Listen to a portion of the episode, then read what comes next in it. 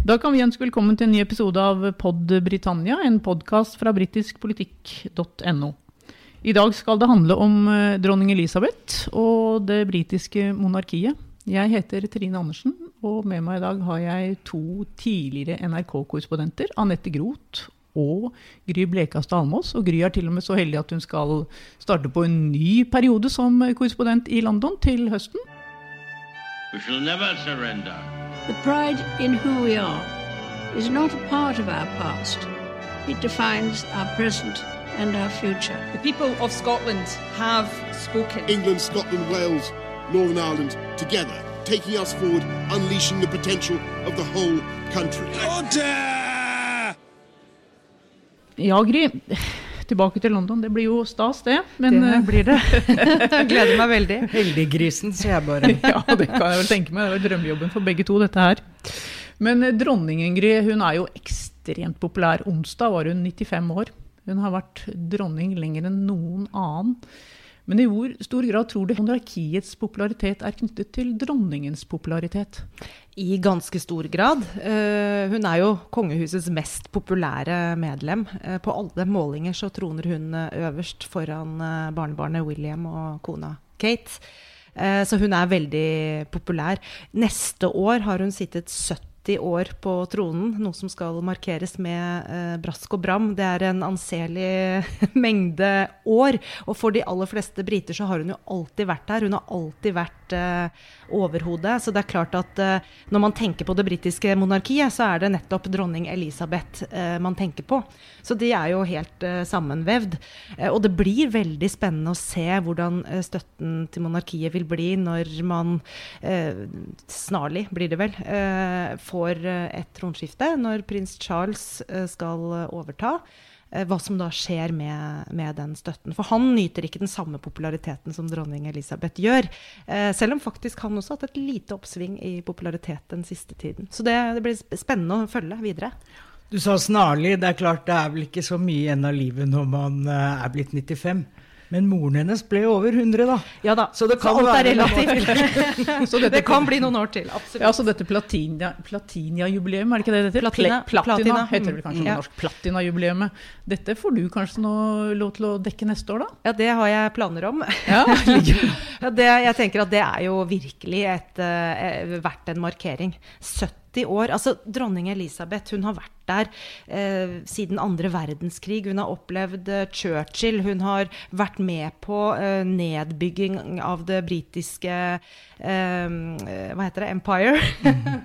Imperiet, som vi Eh, Imperiet, som vi sier på norsk. Eh, ikke sant? Koloniene, opprettelsen av eh, Pakistan, eh, gitt Hongkong til Kina, eh, og nå sist brexit. Altså Hun har vært der gjennom all den historien som, eh, som Storbritannia har eh, opplevd. Og tenk bare på hvor mange statsministre hun har opplevd. 14 stykker har det, vært, har det vært i hennes regjeringstid. Det begynte med Winston Churchill, og nå har vi altså Boris Johnson. Og det er ganske spesielt eh, med 70 år på tronen. Altså Dronning Victoria, alle trodde jo at det var hun som skulle, skulle eh, bli sittende lengst, men hun satt eh, Det var vel i 63 år og 200 og noen dager. Sånn at hun har jo for lengst passert henne. Men det du spurte om, og det som mange tenker på nå, det er jo hvordan går det når Elisabeth er borte. Fordi prins Charles, selv om han kanskje har steget litt i popularitet, så har han ikke vært veldig populær. Um, og heller ikke hans kone. Det er ikke så veldig mye schwung rundt henne.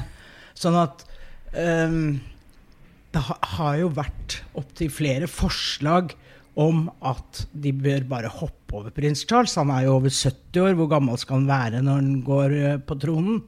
Og heller gå til William og Catherine, som du sier, eh, er høyere i popularitet, og som ligger rett etter dronningen, og som gjør det veldig godt på popularitetsmålinger. Og jeg syns det var interessant å se nå, eh, rett etter prins Philips død, så skrev Daily Telegraph at eh, nå skal det være et slags sånn kongelig toppmøte eh, om veien videre. Hvor da eh, arvingen, altså prins Charles, tar med seg sin sønn prins William på dette toppmøtet hvor de skal diskutere hvordan ikke bare prins Philips kongelige oppgaver eh, skal fordeles, og, og, alle disse tingene han representerte og sto for. Selv om han pensjonerte seg i 2017, så var det fortsatt ting igjen som han representerte, som nå skal nedarves til noen andre. Eh, men kongehuset har jo sånn sett også mistet arbeidskraften til prins Harry, eh, også til prins Andrew, eh, som begge to har vært knyttet til ulike eh, former for kontroverser og skandaler. Det er mange oppgaver som nå skal overtas av andre. Og prins Charles har jo selv vært opptatt av å slanke antallet oppgaver som skal gjøres av de kongelige, og også kanskje ha færre aktive eh, kongelige ute å representere. Og det arbeidet begynner nå, og der er han også veldig opptatt av at prins William skal være med på å forme fremtiden for kongefamiliens arbeidsoppgaver, fordi det selvfølgelig blir hans tur om ikke altfor lenge. Prins Charles er som du sier 72 år. Eh, vi vet ikke ennå når det blir hans tur eventuelt da, eh, å overta tronen. Men eh, sannsynligheten for at altså, Han kan jo umulig sitte like lenge som sin mor, og, og prins William blir da eh, nestemann innenfor en, en relativt eh, kort periode sammenlignet med Elisabeths tid. Charles har jo også vært opptatt av at det skulle være færre prins- og prinsessetitler. Eh, og i dette eh, lett skandaløse intervjuet med Harry og Meghan hos Opera Winfrey, så var det vel hun som uttrykte at hun syntes det var dårlig at ikke han eh, fikk noe mer titler. Men det er jo en del av planen. Og kanskje spesielt når faren har frasagt seg alle kongelige plikter, og de flytter til USA. Uh, men det er jo det siste som eh, dronning Elisabeth har opplevd. Da. Og jeg må si jeg er så full av beundring for den dama. Hun er jo ikke stor. Jeg mener, eh, hun er 1,63 høy, og så krymper de litt i den alderen. Så gudene vet hvor, gammel, hvor, hvor høy hun er nå. Men hun har stått gjennom dette her, og jeg var der. Jeg bodde i London på 1990-tallet og var jo med på nær sagt, mange av disse skandalene som skjedde da. og hun har stått der som en bauta. Det har ikke vært lett, og hun strevde fælt etter Dianas død, men hun har kommet gjennom det. Jeg syns det er beundringsverdig. Ja, Anette, du var jo korrespondenta i dette Annus Horribilis som eh, dronningen snakket om. Var det i 1992? Det var i 1992. og Uh, at hun i det hele tatt sa det, var jo ganske oppsiktsvekkende. Jeg lagde utrolig mange saker på det. Utgangspunktet var at uh, hennes tre eldste barn ble skilt. Altså prinsesse Anne, prins Charles og prins Andrew. Samme år? Jeg husker ikke akkurat om det var samme år, men det var veldig tett innpå ja. hverandre. Uh, så hadde du også i 1992 brannen på Windsor Castle som gikk veldig inn på henne. Og det var de fire begivenhetene som på en måte laget uh, Anus uh, Horribilis. Og senere så kom jo da Dianas død, og da, da fikk hun faktisk veldig mye kritikk. Det er den eneste gangen jeg har sett at hun har fått skikkelig mye kritikk. De ble jo sittende oppe på slottet i Skottland Uh, og det var godt ment, fordi de ville skjerme William og Harry, altså Dianas sønner. Men de, de, ble sittende og sittende der. Folk gikk rundt i Londons gater med blomster og tente lys og sto i lange køer for å underskrive kondolanseprotokoller. Og dronningen satt der oppe. Prins Charles beveget seg jo nedover etter hvert, men, men hun ble sittende der. Til slutt så Det er blitt sagt at det var Tony Blair som klarte å overbevise henne om at hun måtte dra til London. Ikke vet jeg om det er riktig, men iallfall Det var han som laget, uh, laget tittelen 'Folkets prinsesse' på Diana. Men iallfall så dro hun ned til London, og hun holdt en direkte TV-tale fra Buckingham Palace som gjorde voldsomt inntrykk på meg og veldig mange andre, og der reddet hun veldig mye av den situasjonen. Men det var vel litt sånn betegnende for hennes personlighet også. Altså, eh, de har jo fått mye kritikk for at de ikke forsto hvor populær prinsesse Diana var i folket, og hvor mye hun betydde eh, for folk rent sånn personlig, eh, som man jo så på den reaksjonen. Eh, men eh, jeg syns det er så fascinerende også med hvordan Elisabeth var jo født eh, inn i en Altså hun skulle jo ikke være arving, eh, ikke sant? Eh, men så fikk man denne abdiseringen som gjorde at hennes far da ble konge, og hun selv arving til tronen. og var da veldig ung, 26 år vel, da hun ble dronning. 25. 25 da hun ble dronning, 26 da hun ble kronet. Stemmer. Så hun, hun har jo gått da veldig ung også inn i den rollen, og har hele tiden holdt en veldig sånn Holdt privatlivet og det personlige veldig utenfor den rollen og utenfor det offentlige. Og har nok et slags instinkt på heller å ikke kommentere enn å kommentere. ikke sant? Altså hun, hun, hun, og, og det, er, det er noe av den måten hennes popularitet også forklares på. Hun er der når det trengs kanskje da med noen unntak, eh, men, men, holder seg på en måte for seg selv med ting som ikke angår eh, offentligheten. Hun gjør sin plikt, og det til de grader, fortsatt i en alder av 95 eh, år. Det er jo vanskelig å ikke la seg imponere av akkurat det, da. Nei, jeg tenker at det å, sk å skulle leve et sånt liv som hennes hele livet Som vi sa, hun var altså 25 år gammel da hun, da hun ble dronning uten å være egentlig forberedt på det. Uh, og så har hun altså tenkt deg alltid være korrekt antrukket. Du skal ikke si noe galt. Du skal treffe en masse mennesker som du aldri har truffet før. Et, egentlig et helt forferdelig liv, tenker jeg, med, til tross for alle privilegiene. Men det har hun altså klart å, å stå i i så mange år. Og at hun ennå holder koken, det er ganske fantastisk. Ja, hun, ja, unnskyld. Jeg bare tenker på, Det er jo litt sånn at vi, vi liker jo gamle damer. ikke sant? Altså, det er jo litt sånn med henne, altså, litt sånn sårbarhet nesten i det. Eh, og, og, tilbake til det vi starta litt med også. da, ikke sant? Hva skjer når hun dør? For da har du ikke kanskje den umiddelbare sympatien, fordi hun er en, en, en gammel og, altså, Hun er jo ikke spesielt sårbar, men det er kanskje litt sånn man leser det eh, hos gamle folk. da, ikke sant? Og så kommer det en uh, prins Charles som ikke har liksom den samme, samme, rollen. Det blir veldig veldig spennende å se. Ja, altså det, det, du, du, nevnte litt her at det har vært litt snakk om kanskje prins William skulle, at, at vi skulle hoppe over et ledd der. Men tror du det kommer til å skje? Tror jeg tror ikke det er sannsynlig. fordi at i det øyeblikk dronning Elisabeth dør, så er prins Charles konge. Han er ikke prins lenger, da er han konge. Eh, det er, skjer helt automatisk. Jeg tror at det er noe som må bestemmes før hun dør, i så fall. Eh, og da uh, tipper jeg at prins Charles selv må ytre det ønsket, og så må man på en måte finne en, en måte å gjøre det på. Uh, men hvis uh, Elisabeth rekker å dø først, så er han konge, og da er det for seint å hoppe over han. Jeg tror heller ikke at de kommer til å hoppe over Charles. Eh, men det jeg refererte til, var at det er en del som foreslår det. Ja, det er jo det. Fordi han ikke er noen særlig populær eh, mann. Men nei, jeg tror heller ikke det. Jeg tror det blir Charles. Og han kommer da ikke til å sitte like lenge som sin mor. Da vil han sette en veldig rar rekord. Men eh, og han har jo vært en helt annen type, eh, som har eh, ytret seg, eh, om ikke direkte politisk, så har han i hvert fall engasjert seg i politiske saker. Eh, han har vært opptatt av arkitektur, ikke minst av eh, miljøvern og en del sånne ting som han på en måte har vært litt sånn aktivistisk engasjert eh, i. Og noe han har fått kritikk for opp igjennom, og noe han kanskje har dempa litt de senere år, nettopp fordi han kanskje forbereder seg på en, en rolle han skal overta der. Men han har da vist mye mer av sitt engasjement sitt personlige engasjement enn det dronning Elisabeth har gjort. Og dermed har han jo på en måte beredet grunnen for at han blir en helt annen type monark også. Men det er jo et Storbritannia i forandring.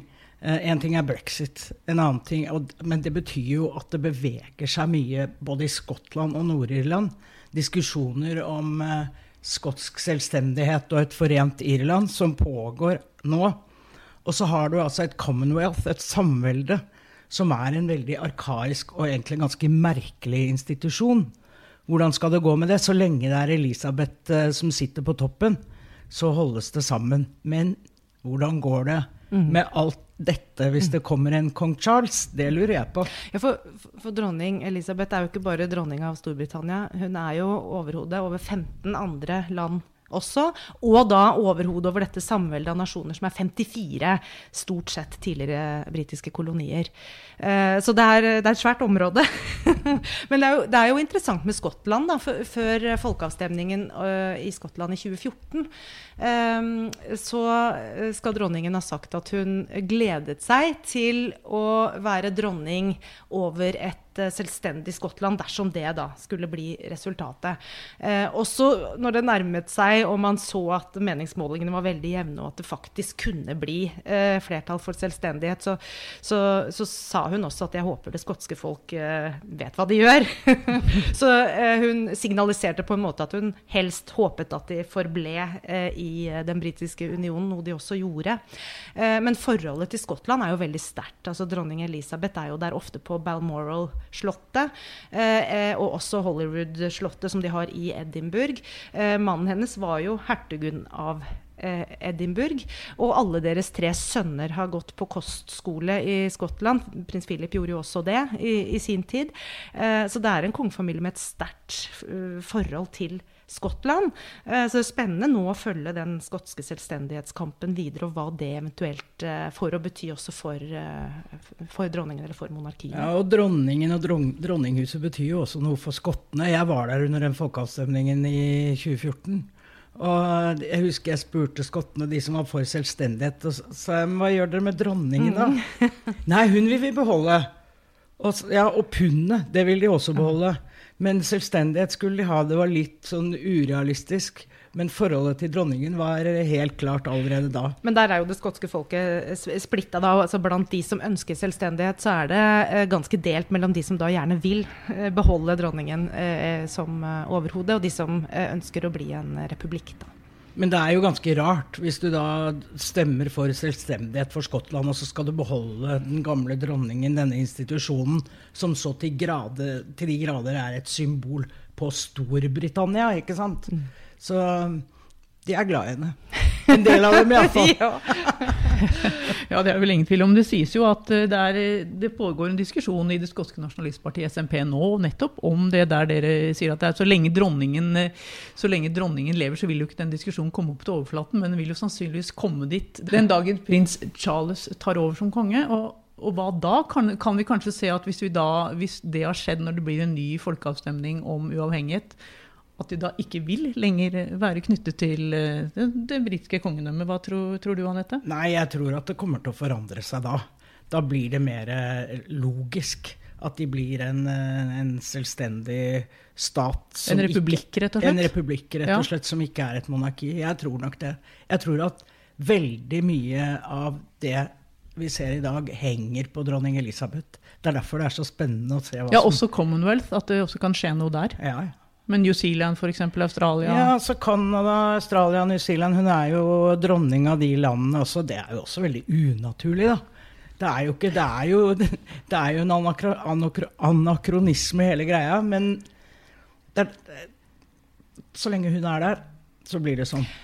Eh, hun har jo vært en uh, stabiliserende faktor uh, i disse 70 årene, da, hvor det har vært veldig mye som har skjedd rundt henne. men der har hun vært liksom som den, den stabile. jeg tenker at et, et, monarki, og særlig som det britiske, da, er som du sier, egentlig noe som tilhører fortiden. Jeg tror aldri vi ville, vi ville ha funnet opp en, en sånn type organisasjon nå. Men samtidig så er vi jo i en tid da, hvor vi ser svakheter også ved eh, andre systemer. Eh, ulike demokratier. Hvor du har eh, folkevalgte ledere som ikke nødvendigvis viser seg å, å være bare positive for den nasjonen de, de, leder. Og et folk som både lar seg påvirke, selvfølgelig, men også kanskje til dels manipulere av ny teknologi og av uh, stater andre steder osv. Så, videre. så uh, det er jo svakheter ved alle systemer. Uh, og, og, det, er noe, det er noe fint da, med å tenke på denne stabile linjen som dette monarkiet har vært. Men jeg tror det er veldig avhengig av hvem som er på toppen. Akkurat som det er i andre systemer. Det er avhengig av enkeltpersoner. Ja, og dette har nå vart i snart 70 år. Og det varer jo ikke 70 år til. Så, ikke med henne, i hvert fall. nei, og ikke med, ikke med kong Charles heller. Nei, skal, jeg tror nok at kanskje Storbritannia, hvis da Storbritannia består som Storbritannia. Ja, det er jo mange spørsmål ved det. Fortsetter som eh, monarki, men eh, resten, det er store spørsmålstegn. Ja, Vi ser jo en aldersforskjell her. altså En forskjell her også i, eh, når det gjelder generasjoner. Eh, Monark, Absolutt. Monarkiet har jo mye, står jo mye sterkere blant de over 60 enn eh, de mellom 18 og 24 f.eks. Ja da, Også det, er, eh, det har jo sunket i popularitet. Men hos eldre folk så har det noenlunde holdt seg, mens ungdommen ikke har det samme forholdet. Men det er klart at eldre folk som har eh, opplevd Elisabeth i mange forskjellige situasjoner, og som har sett på henne som en klippe i Storbritannia, de vil holde fast ved henne, men eh, det er sterkt synkende blant ungdommen, er det ikke det da, Ingrid? Jo, altså, så eh, De over 65, der er støtten til monarkiet eh, rundt 65 eh, Mens på de eh, yngste aldersgruppene, jeg lurer på om det er fra 18 til 24 år, der er det nede på 40-tallet. Altså noen og 40 37% faktisk. Og så er det ca. mellom 20-25 kanskje prosent av hele befolkningen som da heller vil ha en, en folkevalgt president eh, enn et monarki, altså som vil ha en republikk, da. Eh, så- President Boris Johnson. det spørs I hvert fall Boris likt, kanskje. Men, eh, men de yngste de blir jo eldre, de òg. Og spørsmålet er jo om de beholder eh, ståstedet de har i dag, eller om Ikke sant. Man er jo i prosess eh, gjennom hele livet. Eh, så så det, det, det tar jo ikke disse tallene høyde for. Men hva tror vi da? Eh, Om 70 år, er det da et eh, britisk monarki? Hva tror du, Anette? Jeg, altså, your guess is as good as mine. Men, uh, men jeg tror det avhenger for det første eh, veldig mye av henne. Og når hun da blir borte, så spørs det hva som er alternativene. Og så spørs det hvordan den britiske unionen har utviklet seg. Om de fremdeles er fire nasjoner. uh, altså England, Skottland, Wales og Nord-Irland. Eller om det har blitt noen avskallinger de to scenarioene er veldig forskjellige, og jeg tror at, eh, at monarkiets skjebne også vil være ulik ut fra hvordan eh, Storbritannia blir seende ut. Tenk deg hvordan verden har forandret seg eh, for dronning Elisabeth i hennes levetid. da. Fra det britiske imperiet, som, som var begynt å redusere før hennes tid, men allikevel, til det det er nå, og kanskje blir, da, lille England. Det er eh, ikke så mye igjen å regjere over, eh, hvis det er der vi ender. Men uansett, Gry, så tror vi vel at du kommer til å, å rapportere om et eh, monarki så lenge du er eh, korrespondent der borte. Ja, De neste fire årene tror jeg kanskje at det kommer til å bestå, ja. We shall never surrender. The pride in who we are is not a part of our past. It defines our present and our future. The people of Scotland have spoken. England, Scotland, Wales, Northern Ireland together, taking us forward, unleashing the potential of the whole country. Order!